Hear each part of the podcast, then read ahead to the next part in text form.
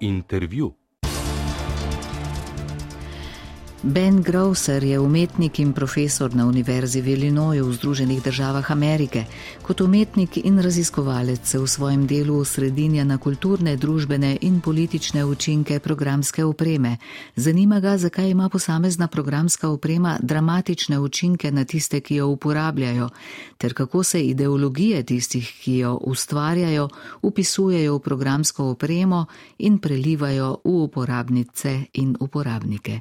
V Sloveniji se je mudil v okviru projekta Taktike in prakse številka 12, novi ekstraktivizem, ki ga je pripravil Zavod za sodobne umetnosti Axioma v sodelovanju z Akademijo za likovno umetnost in cukrarno.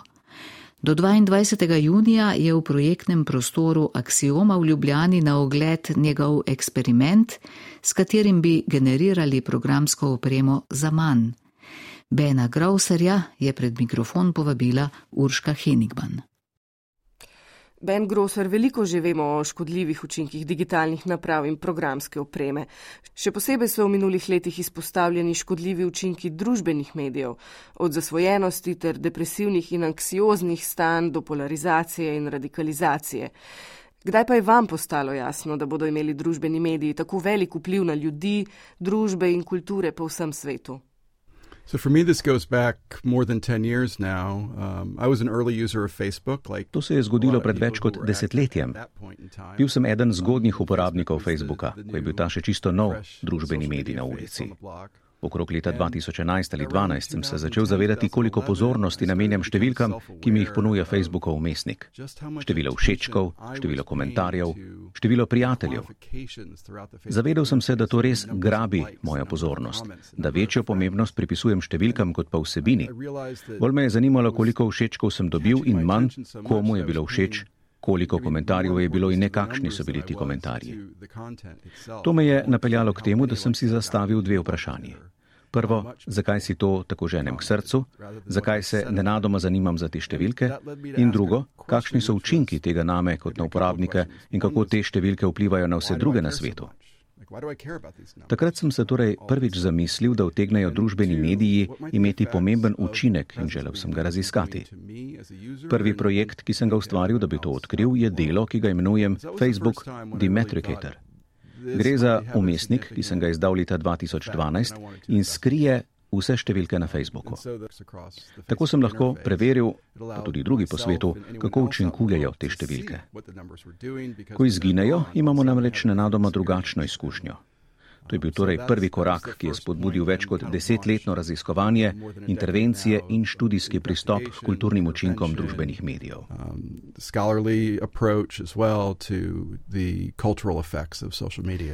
O tem, kaj ste odkrili, se bova pogovarjala seveda v nadaljevanju pogovora. Najprej pa me zanima, kako ste takrat dostopali do Facebooka, prek računalnika ali pametnega telefona? Yeah, Um, exactly Takrat sem dostopal prek svojega prenosnika. Ne spomnim se točno, kdaj je bila na voljo aplikacija za pametni telefon. Leta 2010, 11 ali 12. Exactly. Yeah, to sprašujem zato, ker me zanima, kaj vse se je spremenilo, ko so se združili pametni telefoni in družbeni mediji. Yeah, well, I mean, so many different effects. Um, of, you know, one of the biggest ones, of course, is that it's in your pocket. It's there all the time. And ja, To je učinkovalo na zelo različne načine. Najprej je torej najočitnejša sprememba, telefon imamo vse čas v žepu, potem so tu še različne metode oblikovanja umestnika. Naprimer obvestila, ki jih uporabljajo velike spletne platforme, da nas vse čas opozarjajo in vedno znova želijo pritegniti našo pozornost, da bi svoj pogled spet usmerili v zaslon telefona. Obveščajo nas, da se želi z nami povezati nov prijatelj ali da smo dobili nov všeček ali da je nekdo delil našo objavo. Družbeni medij se je nenadoma spremenil iz stvari, v katero si se moral upisati v svojem brskalniku, v stvar, v katero si vse čas upisan in jo imaš v svojem žepu. Ko stojiš v vrsti v trgovini ali ti je dolg čas na vlaku, telefon ta prostor z lahkoto in hitro zapolni. Tako je telefon postal vse prisoten del naših vsakdanjih življenj. V Sloveniji smo letos v supervolilnem letu. Imeli smo že parlamentarne volitve, pred nami so lokalne in predsedniške volitve. Učinki, ki jih imajo družbeni mediji na politični diskurs, na polarizacijo in radikalizacijo, so velikanski. Ali lahko to polarizacijo presežemo? Je sploh še mogoče rešiti ta problem? Yeah, it's a, it's a problem that gets talked about uh, from a lot of different perspectives. Um, my feeling with it is that the, the visible metrics play a significant role in the. O tem problemu govorijo ljudje z zelo različnih perspektiv. Po mojem mnenju, vidna metrika družbenih medijev pomembno vpliva na to, da pripelje nekoga iz zmernih interakcij k polariziranim interakcijam. Podoba umestnika nas namreč nauči, da so više številke boljše. Zaradi algoritmičnega razvrščanja objav, ki gledajo na to, kaj bo dobilo večji odziv. Cilj algoritmičnega razvrščanja je namreč pritegniti našo pozornost in nas spodbuditi k sodelovanju, saj smo tako dalj časa prisotni.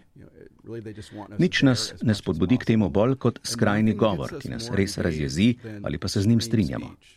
Konstrukcija sistema, kakršen je zdaj, veliko ljudi pripelje do tega, da se postavljajo v skrajnosti, saj tako dobijo boljši odziv. Naprimer, nekaj objavite in to dobi dva všečka. Naslednji dan objavite nekaj drugega in to dobi sto všečkov. Verjetno si boste mislili, naredil bom tako kot v drugem primeru, saj si želim spet dobiti sto všečkov. Saj se bolje počutim, če dobim sto všečkov, kot pa če dobim dva. In verjetno je tisto, kar dobi sto všečkov, pogosteje bolj ekstremno stališče, bolj polarizirajoč način govorjenja o določeni problematiki. Moj recept je torej, da bi morali skriti metriko, skriti vidne všečke, se znebiti štetja po objav in se vrniti k branju vsebine. Če bi številke skrili, bi naša želja, da oblikujemo svoje objave na način, ki bolj pritegne, zbledela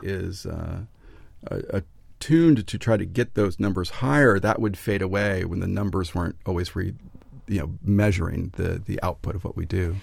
Kot ste povedali na svojem predavanju o cukrarni, zadnjem v seriji programa Taktike in prakse številka 12, novi ekstraktivizem, ki ga je pripravila Axioma v sodelovanju z Akademijo za likovno umetnost in cukrarno, ste zato ustvarili umestnik, ki te številke skrije. Kako deluje Demitrikator, ki torej skrije vse številke na Facebooku, Instagramu in Twitterju? Yeah, so these are browser extensions. So they're, they're bits of code you download from the Chrome Web Store or the Firefox. Tako je. Um, ustvaril sem umestnik. Gre za delček programske kode, ki jo prek Chroma in Firefoxa poiščete v trgovini z aplikacijami in si jo namestite v svoj brskalnik. Ta programska koda čaka na vsak trenutek, ko naprimer Facebook pošlje novo vsebino. Prestreže jo, urine se med vas in sistem, poišče metriko in jo skrije. Namesto sporočila, da je osem ljudi všečkalo vašo objavo, se izpiše, da so ljudje všečkali vašo objavo. Ali namesto dvanajstih komentarjev piše le komentarje. Se lahko kliknete na ljudi in preštejete, koliko jih je, če želite. Lahko pogledate komentarje in jih preštejete, če vas res zanima, koliko jih je. Kaj se pri tem dogaja? Pozornost se prenese na to, kdo je všečkal in kaj so zapisali v komentarjih, ne pa na to, koliko ljudem je bilo všeč in koliko komentarjev so napisali.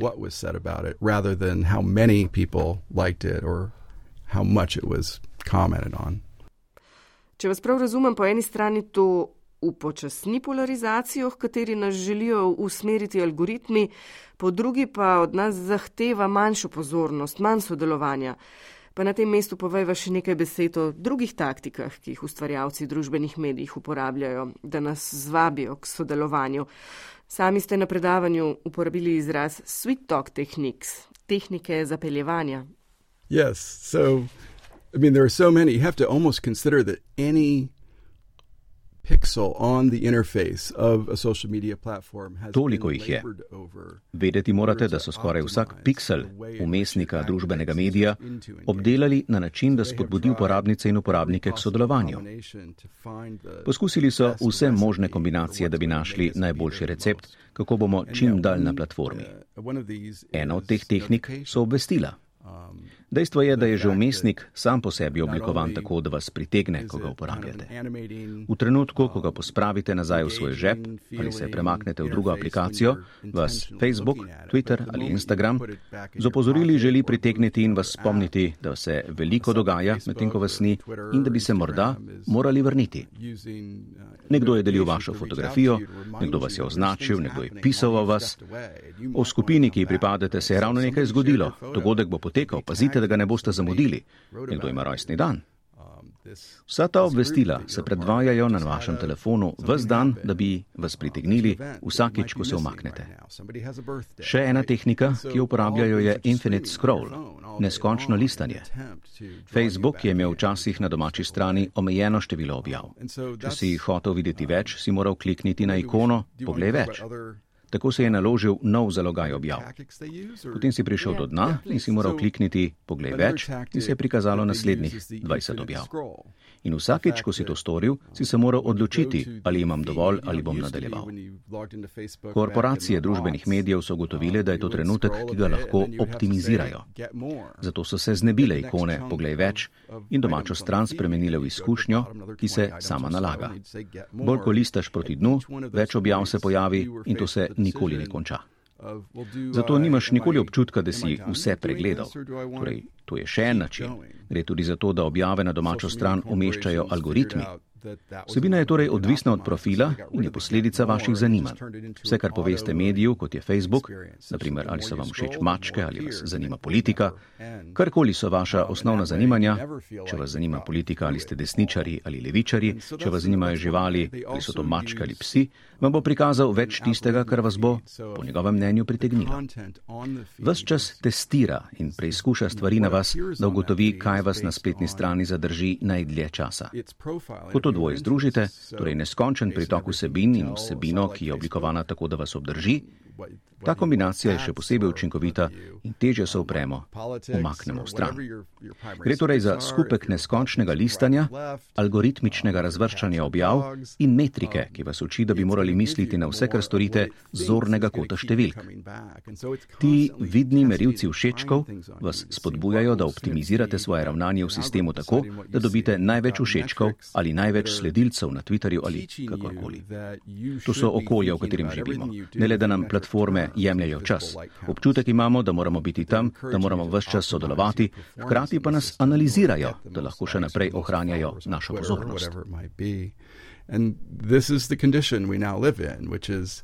We not only are, our time is taken up by all of these platforms, but we feel we need to be there. We need to be constantly attending to it. And, and then at the same time, it's working on us to keep us engaged. Izkušnja uporabe družbenega medija se razlikuje glede na jezik. Slovenščino govori malo ljudi, zato se naša izkušnja močno razlikuje od izkušnje nekoga, ki govori angleščino kot materni jezik, saj so tehnološke velikane družbenih medijev ustvarili v Silicijevi dolini. Jezik je torej en faktor, ki močno vpliva na to, kdo in kako uporablja splet in družbene medije. Ali se ameriški spletni giganti s tem kaj ukvarjajo? I think, th- yes, certainly they think about it, but I think one of the problems is, um, well, the, the, side effect may be that there's less to contend with in a language like Slovenian. Mislim, da o tem zagotovo razmišljajo.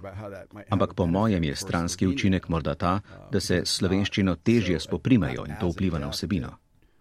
Lahko se pogovarjava o tem, da ima to morda celo pozitivne učinke na Slovenijo, saj omrežje ni tako dobro prilagojeno in težje profilira ter ponuja vsebino, ki bi bila zanimiva za vas, težje ugotovi, kaj vas sploh zanima. Kot je danes dobro znano, so se Facebooku, ki se je razširil po vsem svetu in na vse jezike, kot je lahko, v preteklosti največji problemi zgodili prav zaradi jezika.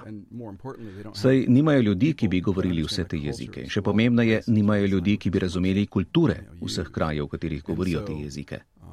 Ne deluje, da enostavno prevedemo vsebino iz enega v drug jezik. Treba je seveda tudi razumeti, da se besede uporabljajo na različne načine, ali kakšno so jezikovna pravila, ali kako imajo iste besede lahko različne pomene. To jih je v nekaterih primerjih spravilo v hude težave. Myanmar je primer, ki so ga dobro raziskali. Facebookov umestnik je bil odgovoren za širjenje raznovrstnega negativnega govora, oni pa sploh niso razumeli, kaj se dogaja. Facebook se rad izogne odgovornosti, govori o tem, da je neutralen, da oni le ponujajo prostor, kjer ljudje lahko govorijo da na vsebino nimamo nobenega vpliva. Ampak to ni iskreno. absolve themselves of responsibility, talk about it as it's neutral. It's not really. We're just there for people to talk. We don't have any effect on the on the talk itself, which is a fallacy. But um, yeah. V Evropski uniji veliko govorimo o regulaciji tehnologije. Sprejeli smo že splošno uredbo o varovanju osebnih podatkov, tako imenovano GDPR. Oblikuje se Evropska strategija za podatke in GDPR za otroke, ki bo še strožji. Z aktoma v digitalnih storitvah in digitalnih trgih Evropska unija pripravlja nove omejitve za spletne gigante in spreminja pravila podatkovne ekonomije na spletu. Potem je tu še zakonodaja na področju umetne inteligence.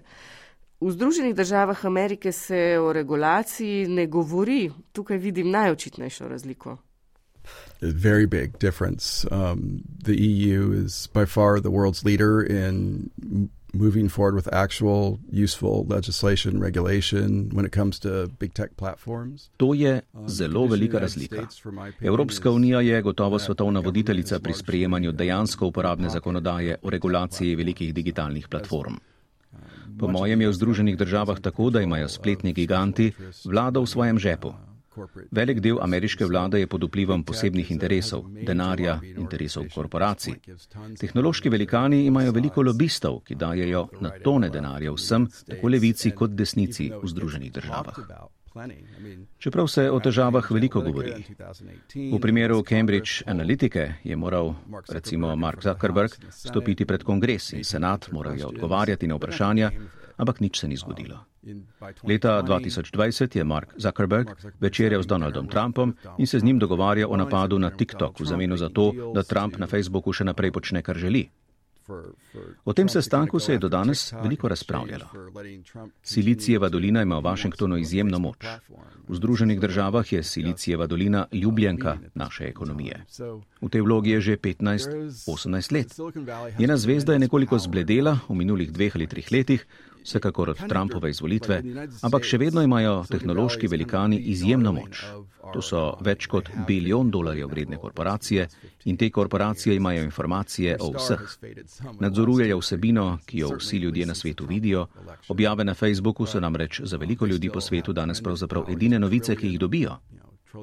V tem primeru gre torej za to, da en posameznik absolutno nadzoruje početje podjetja in sprejemanje odločitev. To je za nas zelo kompleksno. Osebno menim, da Združene države nikoli ne bodo imele vodilne vloge pri regulaciji.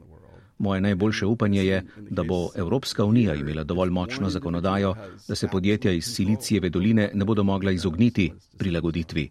Od te prilagoditve pa bomo imeli korist mi vsi. I don't personally think that the U.S. is ever going to lead in regulation.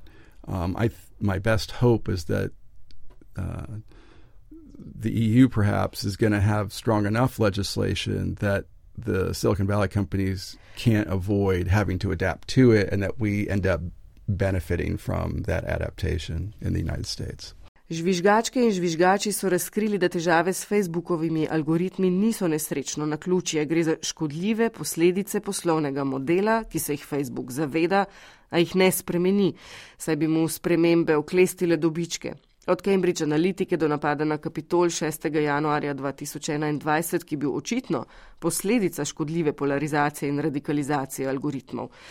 Razkritje o škodljivih praksah je veliko, pa vendarle se nič ne spremeni.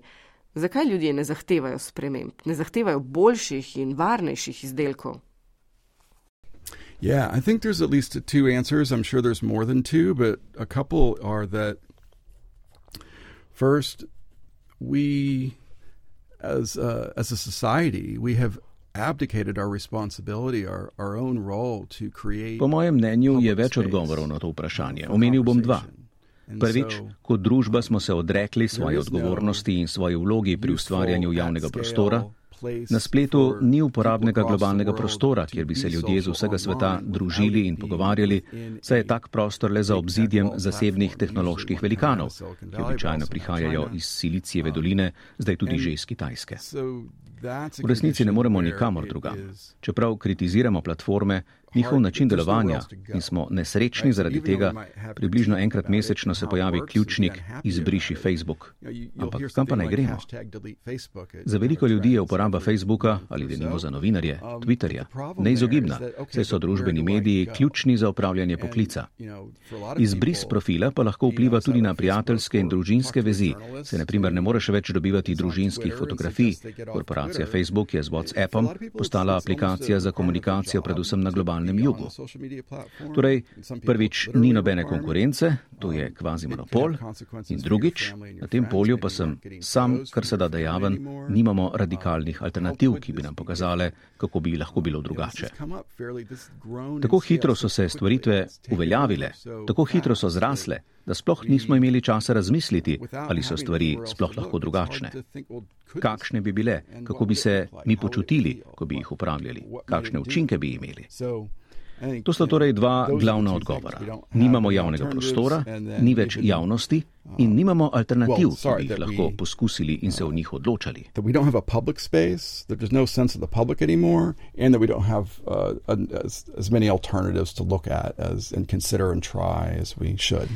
Bi torej morali razmišljati o javnih družbenih medijih, ki bi jih morale zagotoviti države, kako to storiti na globalni ravni? Yeah, it's, it's a complicated situation, right? I mean, I would love to say, so we should just turn it over to government. Res je kompleksno.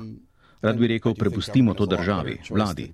In mislim tudi, da je vlada boljša izbira kot korporacija. Pri demokratični vladi imaš vsaj nek prostor, ki lahko prispevaš tudi sam in vplivaš na usmeritve kot posameznik. Kot smo se ravno pogovarjala, čeprav smo ljudje v Združenih državah zelo nesrečni s stanjem družbenih medijev, ne moremo vplivati na našo vlado, da bo družbene medije regulirala na kakršenkoli smiselen način. Mislim, da bi potrebovali nekakšno več državno sodelovanje, da bi oblikovali protokole ali tehnološke priložnosti in infrastrukturo za izgradnjo novih platform za komunikacijo.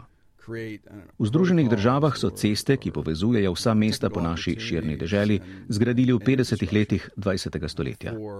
Te cestne infrastrukture niso predali avtomotopodjetjem, kot sta General Motors ali Ford. Niso rekli, te ceste so za Ford in tukaj za General Motors.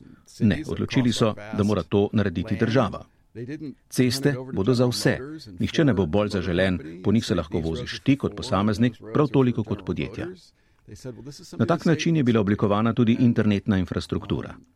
Več takih stvari potrebujemo, po mojem mnenju. Kdo bo to izvedel, kako bomo obšli trenutne dogovore, tega problema pa še nismo rešili.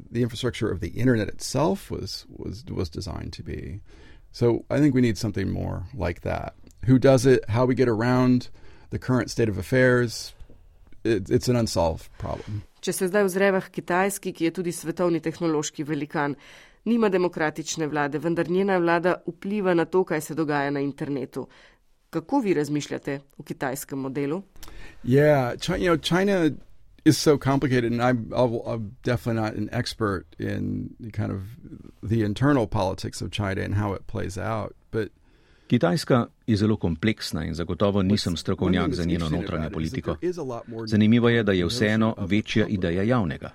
Če v njeni železnici in veliki širitvi infrastrukture superhitrih vlakov v minulih 20 letih razmišljam kot nekdo, ki prihaja iz Združenih držav, kjer se infrastruktura vse čas ruši in ni nikoli posodobljena.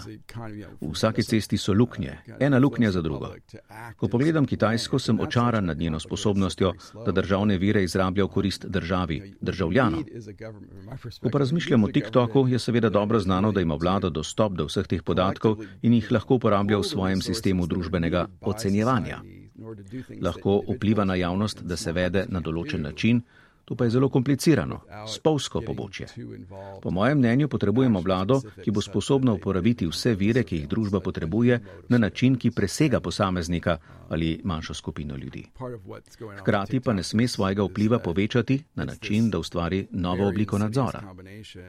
TikTok je neverjetno zasvojljiv. Moji 20-letni študenti na Univerzi v Illinoisu ugotavljajo, da se nikakor ne morejo odmakniti od njega. Na njem lahko preživijo ure in ure. Svoje osebne podatke pa lahko prepuščajo ne le podjetju ByteDance, ki je lastnik TikToka, temveč tudi kitajski vladi. Mislim torej, da tudi to ni dobra rešitev. So pa nekateri načini delovanja Kitajske, ki so boljši od našega. Um, so I don't think that's a solution either. uh, but but there are interesting parts about how China works that are in you know better. Pa spregovoriva nekaj besed o TikToku. Obstaja Dimitrikator za TikTok? Uh, earlier we talked about you know, when did Facebook move to the app, right? And of course, Facebook is both a website and an app. Prej sva se pogovarjala, kdaj je Facebook ustvaril aplikacijo. Seveda, do Facebooka lahko dostopate tako prek spletne strani, kot prek aplikacije. TikTok sicer ima spletno stran, ampak večina ljudi je ne uporablja. Je predvsem aplikacija. Eden od razlogov, zakaj imajo podjetja družbenih medijev rada aplikacije, je ta, da potem ljudje kot sem jaz ne moremo vstopiti in zmanipulirati programske kode aplikacije, tako kot to lahko storimo z vtičnikom brskalnika. Torej, ne morem napisati TikTok Dimetrikatorja kot programsko kodo, sem pa uporabil lepilni trak, tape. And, and I advocate doing these kinds ja, of things. These very low fidelity, uh, in zauzemam se za take nezahtevne posege, ki jih lahko vsak napravi sam na svojih napravah. Kaj sem torej naredil? Vzel sem črni lepilni trak in si ga prilepil na zaslon telefona na desni strani in tako ravno prekril prostor, kjer so na TikToku številke všečki, delitve. En teden sem tako potem brskal po TikToku, moram vam povedati, da je to imelo močan učinek. Razkrilo mi je, in to bi tudi drugim, če bi to poskusili, da ne gledamo le videa, ki je naslednji na vrsti. Morda še preden posvetimo kakršnokoli pozornost videu, pogled usmerimo k številkam. Podoba umestnika nam je namreč naučila, da je najpomembnejša informacija število všečkov. Ko torej izginejo, moraš kar naenkrat najti nov način, da oceniš vsebino. Naprimer, da si jo ogledaš, o njej razmišljaš, jo poslušaš. In preprosto ne veš, morda ima en všeček, morda jih ima milijon. Ne veš, stvari lahko še vedno všečkaš, ampak ne vidiš, kako se to umešča v številko likes. You don't know. You can still like things, you just don't see how it accumulates into, into a number.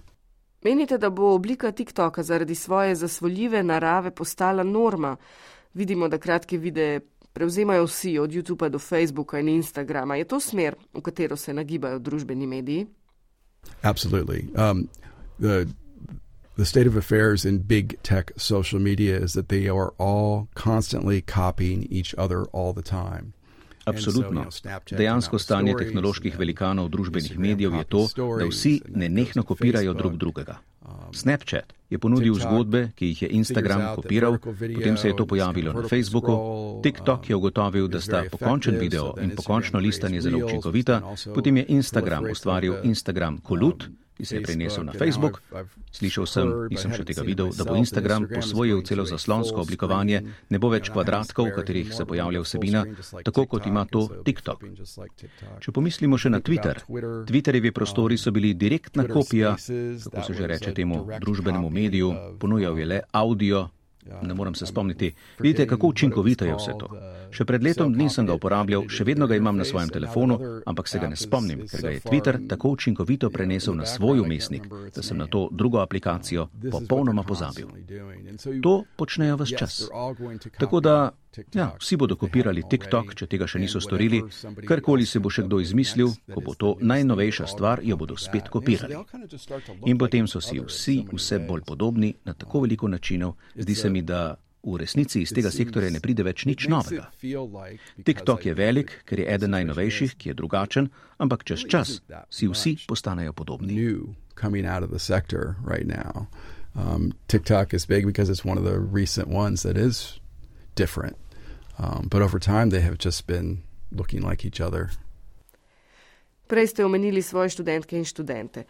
Um, ali mladi zapuščajo TikTok? Rekli ste, da se od njega ne morejo odlepiti in tako preživijo ure in ure na tem družbenem mediju, pa jih to moti do te mere, da mediji zapuščajo. Na kateri točki torej postane zahteva po več, več ogledov, več všečkov, več delitev, več pozornosti, zahteva po preveč? Obstaja točka preloma, ko ljudje družbenega medija ne želijo več uporabljati, ko ne želijo več sodelovati v tem. I think for a lot of people, in particular with To vidim pri svojih študentkah in študentih, ampak to seveda ni nekaj, s čimer bi se spoprijemali le mladi. Vsi se s tem spopadamo. Je pa res, da so mladi pogosteje ciljna populacija številnih tehnologij. Nekateri res pridejo do točke, ko občutijo osebno potrebo potem, da se odklopijo. Ali pa da se distancirajo, si omejijo rabo. Tako se opremijo z nekaterimi drugimi tehnološkimi možnostmi, ki so jim na voljo, kot je merjenje časa preživetega za zaslonom, ampak vsa odgovornost se vedno prenese na uporabnika. Ti moraš ugotoviti, kako boš reguliral svojo rabo družbenih medijev. Če smo jih ustvarili preveč zasvojljive, Ok, to v resnici ni naš problem, sam si kriv, ker se ne znaš brzdati. Tako da ja, se odklapljajo. S svojimi študentkami in študenti se skoraj na vsakem predavanju pogovarjamo o družbenih medijih. Skoraj vsakič nekdo začne to temo, saj je to nekaj, kar nam je skupno. Je tudi super izhodišče za pogovor o programski opremi in tehnologiji. To je tako vse prisoten del njihove izkušnje. Sam sem odrasel v času pred svetovnim spletom, spomnim se, kakšen je bil svet takrat. Potem sem spremljal nastanek svetovnega spleta in pojav platform družbenih medijev. Zdaj živimo v tem trenutku, kakršen pač je. Imam torej občutek za prej in potem, lahko si predstavljam svet brez vseh teh stvari. Če pa je tvoja celotna izkušnja zavedanja ugrajena v platforme tehnologije, tehnoloških velikanov, če na ta način spremljaš vse, ker jih poznaš, vse, kar si kdaj ustvaril, s tem, da nisi ustvaril svoje spletne strani, ampak le objavljaš veliko vsebine na platforme družbenih medijev, odklopiti se, to je potem popolnoma drugačna zahteva. It's a different kind of request or a different kind of act to disconnect. In ravno to je tisto, kar mladi sami povedo, kadar govorimo o zasvojenosti in negativnih učinkih rabe družbenih medijev. Oni ta prostor dojemajo kot prostor, kjer lahko izražajo svoje mnenja, kjer se lahko povezujejo, kjer se lahko informirajo. Če jim te tehnologije v celoti oduzamemo, v resnici kršimo njihove človekove pravice. Yeah, it's such a complicated problem because of that, right? Because yes, they see In prav zato je to tako kompleksen problem. Vsak lahko postane viralen na TikToku, ne potrebuje široke mreže prijateljev, kar naenkrat ima lahko milijon ogledov. Hkrati pa je algoritem tisti, ki se odloči, kdo bo imel milijon ogledov. In ne zavedajo se, kako to deluje. In tudi ne morejo vplivati na to, kako deluje. Dizajn platforme je tisti, ki jih sili v to, da poskušajo in poskušajo in poskušajo tako v sistem unesajo neskončno število podatkov o sebi. Sistem jih na to profilira in jim ponuja informacije, zaradi katerih se nenehno vračajo in sodelujejo. Ta potreba po vidnosti je v resnici potreba po algoritmični vidnosti. Algoritma pa ne nadzorujemo. Sam se na tej točki vedno vrnem k vprašanju, kakšne so alternative. Kje je javni prostor, do katerega imamo vsi lahko enak dostop, vsi enako glasen glas, namesto da posamezne korporacije odločajo o tem, kdo je lahko slišen. To pa se odločijo na podlagi tega, kaj platformi prinese več pozornosti in vse zadnje največ dobička. Je po vašem mnenju rešitev torej v razkrivanju algoritmov? Bi morali biti algoritmi javni? Bi potem imeli predstavo o tem, kaj počnejo, katere podatke jemljajo in kako jih uporabljajo? I would strongly advocate that that is one tactic that governments should be doing. And of course, that's um, Uh, Vladam bi močno priporočal, da uporabijo to taktiko. Tudi o um, tem se razpravlja v Evropski uniji. Vendar nekateri znani ljudje iz tehnološkega sektorja, ki jih spoštujem, pravijo, da to ni čudežno zdravilo, kot bi si nekateri želeli, da so stvari predvsej bolj kompleksne, da algoritma ne moreš razumeti brez vseh podatkov, ki ga hranijo. Vendar jaz mislim, da je to argument močnejšega. Če algoritem postane javen, morda ga jaz ne bom mogel preučiti in razumeti, kaj pravzaprav počne, morda tudi vi tega ne boste mogli narediti, ampak nekdo bo lahko in bo o tem pisal. To zagotavlja odgovornost. Trenutno imamo le črno škatlo. Vsi ti sistemi, ne le družbeni mediji, sprejemajo odločitve za toliko delov družbe. Odločajo recimo o tem, kdo bo dobil posojilo, kdo je upravičen do državnih sredstev, To so vse sistemi črnih škatelj, kjer posameznice in posamezniki javnost nimajo sposobnosti samostojnega odločanja o tem, kako deluje. Vsi tavamo v temi, če lahko uporabim to metaforo. Zato mislim, da bi bil pomemben prvi korak, če bi postali algoritmi javni. It leaves us all wandering around the dark, uh, you know, metaphorically. It's, um, so, yes, I do think making algorithms uh, public would be a significant first step.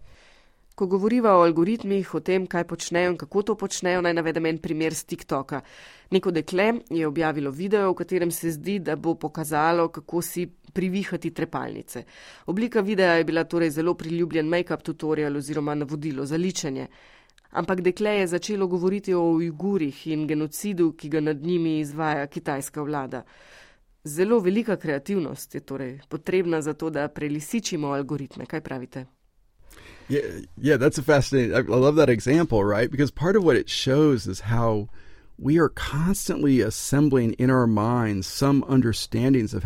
Zelo mi je všeč ta primer, saj med drugim kaže na to, kako nenehno razmišljamo, kako delujejo algoritmi. V mislih smo si ustvarili zemljevide o tem, kako delujejo, intuitivno so se nam oblikovali ob naši uporabi. Če želimo vidnost, imamo predstave o tem, kako to doseči in katere taktike bi bile neučinkovitejše. Tukaj pa gre za subverzivnost. Uporabiš nekaj, kar je pri algoritmu najbolj zaželeno, kot jedro, prek katerega lahko govoriš o tem, kar res želiš. Seveda bo algoritem s časom ugotovil, zakaj gre, ampak prvo oviro boš lahko, lahko preskočil. They'll tweak the algorithm to figure that out and, and look more, you know, more down the road in the video and take it as a whole. Ben Grosser s svojim delom razkrivate te črne škatle, o katerih se pogovarjava, to pred očmi javnosti skrito digitalno arhitekturo. Hkrati pa ponujate radikalno drugačne rešitve od obstoječih.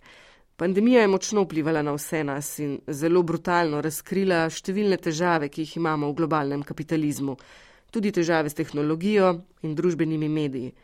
Kako ste vi opazovali dogajanje na spletu med pandemijo in ali ste prav zaradi tega ustvarili The Endless Doom Scroller, aplikacijo Neskončno apokalistanje?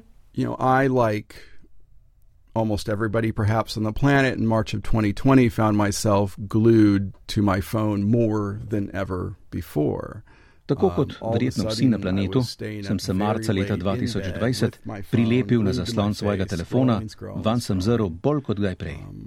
Nenadoma sem ostajal po konci zelo pozno, v posteli s svojim telefonom, prilepljenim na obraz, brskal in brskal po spletu, potem končno zaspal, se zbudil zgodaj zjutraj, kar najhitreje vzel v roke telefon in se vrnil k novicam.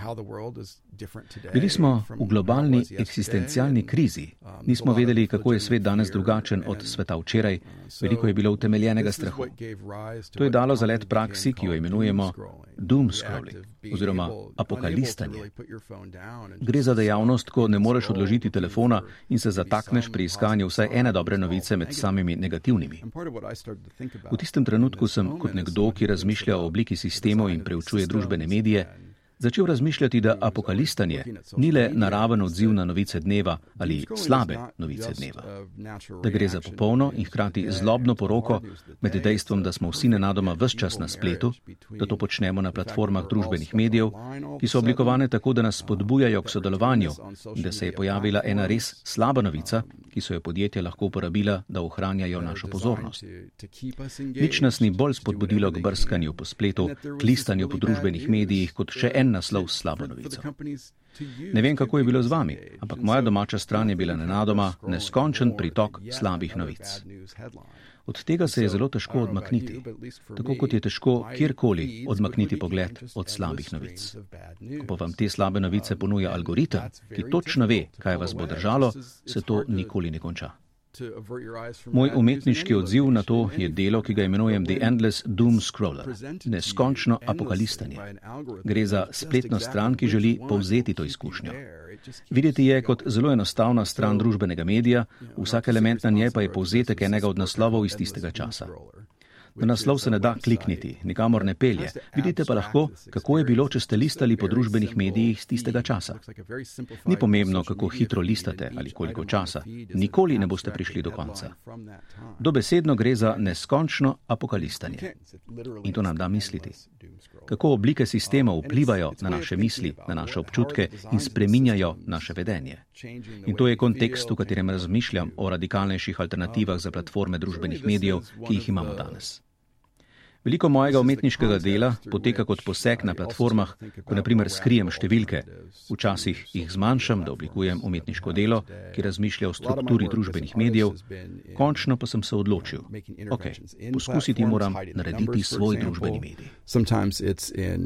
reducing them to make an artwork that's really more reflective of the structures of social media. But I finally decided, okay, I've just got to try and make one myself. In tako ste ustvarili Minus. Minus is what I call a finite social network where users get 100 posts for life. And uh, the idea is that, you know, big social, big tech social is always been Tako invested. Je. Minus je končen družbeni medij. Vsak dobi 100 objav za vse življenje. Družbene medije tehnoloških velikanov odnegdaj zanima več. Več uporabnikov, več podatkov, neskončna rast, več všečkov, da si le vse čas tam. O tem se že vse čas pogovarjava. Je res. To so vse različne taktike, ki jih uporabljajo, da nas obdržijo na svojih platformah. In tako sem se vprašal, kaj bi bilo, če bi imeli družbeno omrežje, ki ne bi bilo oblikovano za več, ampak za manj. In od tu izhaja ideja za končno družbeno omrežje, na katerem lahko objaviš le 100 objav. V ta koncept, da imaš le 100 priložnosti za objavo, sem upeljal še druge taktike, o katerih smo se pogovarjali. Na minusu ne gre za neskončno listanje, ampak sem se vrnil na začetek, na tisti starinski model, ko moraš po 20 objavah klikniti, hočem videti več, če želiš nov zalogaj objav. To lahko počneš vse dan, če želiš, ni pa to nekaj, kar ti je ponujeno. Prav tako ne gre za algoritmično prikazovanje objav, ampak je vzvratno kronološka domača stran. Omrežje te ne želi profilirati, ampak ti le prikazuje, kaj je tam. To je prostor brez oglasov, družbeno omrežje ni monetizirano, od svoje dejavnosti ne želi imeti dobička. Del ideje tukaj je, da se veliki družbeni mediji radi pretvarjajo oziroma želijo, da kupimo idejo o tem, da sta naš čas in naša pozornost neskončna da je ok, če si vse dan na TikToku, ker imaš jutri še veliko časa. Ampak nihče nima neskončno časa. To je fantazija, ni res. Ne vemo, kdaj se naš čas izteče, ampak nekoč se bo iztekel. Minus se ne pretvarja, ampak podčrta dejstvo, da naš čas in pozornost nista neskončna v bistvu sta končna. To je del strukture omrežja kot takega.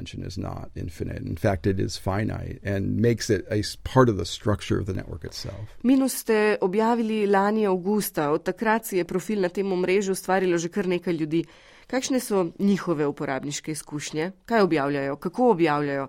Kaj ste opazili? V kakšnem smislu se ljudje drugače vedejo?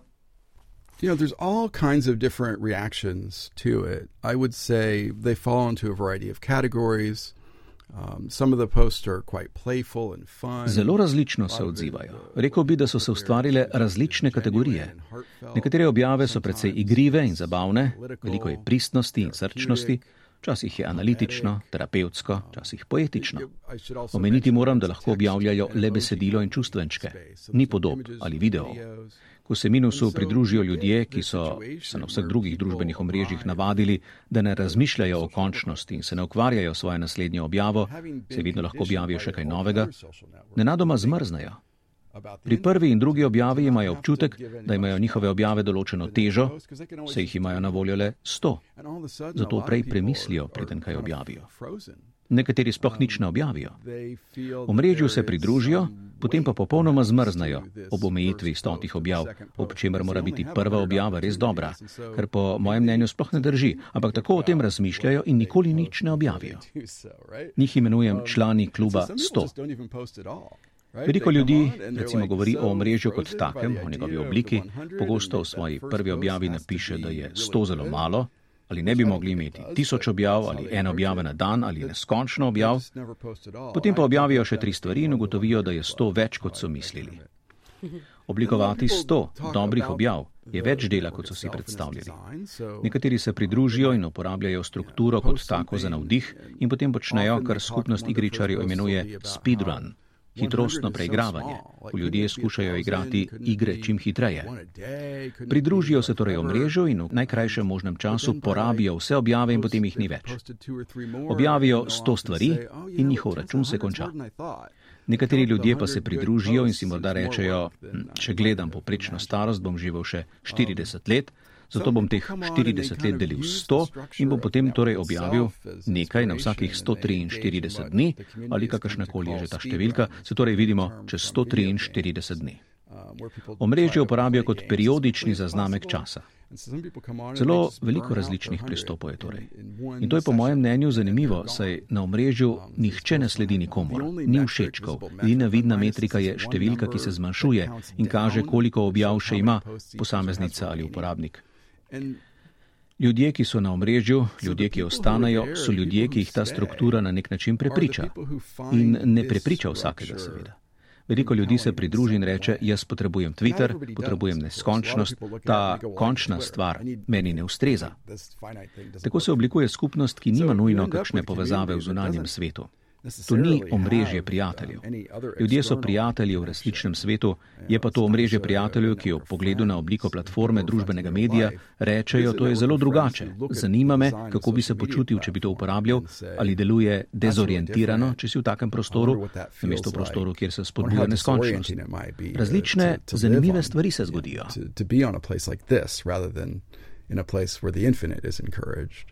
And, and so different strange things happen.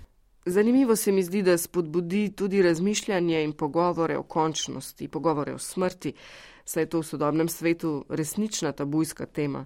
Še vedno, čeprav je v dveh letih pandemije po svetu umrlo veliko ljudi. Morda minus ustvarja varen prostor, kjer lahko ljudje razmišljajo o svoji lastni umrljivosti. Absolutely. I think just the whole idea that it is finite. Um, And that it is instead of focusing on more, it's focusing on less. I mean, Absolutno. Say, you know, Že ideja, da je omrežje končno in se namesto na več osredotoča na manj. Rekel bi, da je kolektivna družbena zasvojenost z neskončno akumulacijo in nikoli dokončano rastjo odgovorna za veliko opustošenje, s katerim se ukvarjamo na dnevni ravni. Od podnebne krize do pandemije, ki je ustrajala, kot je ustrajala. V Združenih državah je bilo leta 2020 več pozornosti usmerjene v to, da bi čim prej manj škodili gospodarstvu, zato se pretvarjamo, dokler gre, da virus nima nobenega vpliva. To je bil pristop Trumpove administracije v tistem času. Šlo je za gospodarsko odločitev, pri kateri veliko štejeta akumulacija in rast, kar je pripeljalo do vseh težav s koronavirusom, ki jih imamo zdaj. Ideja o manj je alternativa temu ampak v njo je zapečena končnost. Nič ne traja večno, tako kot tudi mi nismo večni. Ben Grosser, thank you so much for this incredibly wonderful conversation. I would like to talk to you for more, but it's been an hour, so thank you so yeah, much. Yeah, of course. Happy to be with you.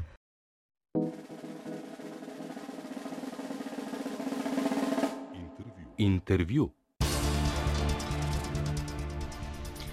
Z umetnikom, programerjem in predavateljem Benom Grosserjem se je pogovarjala Urška Henigman.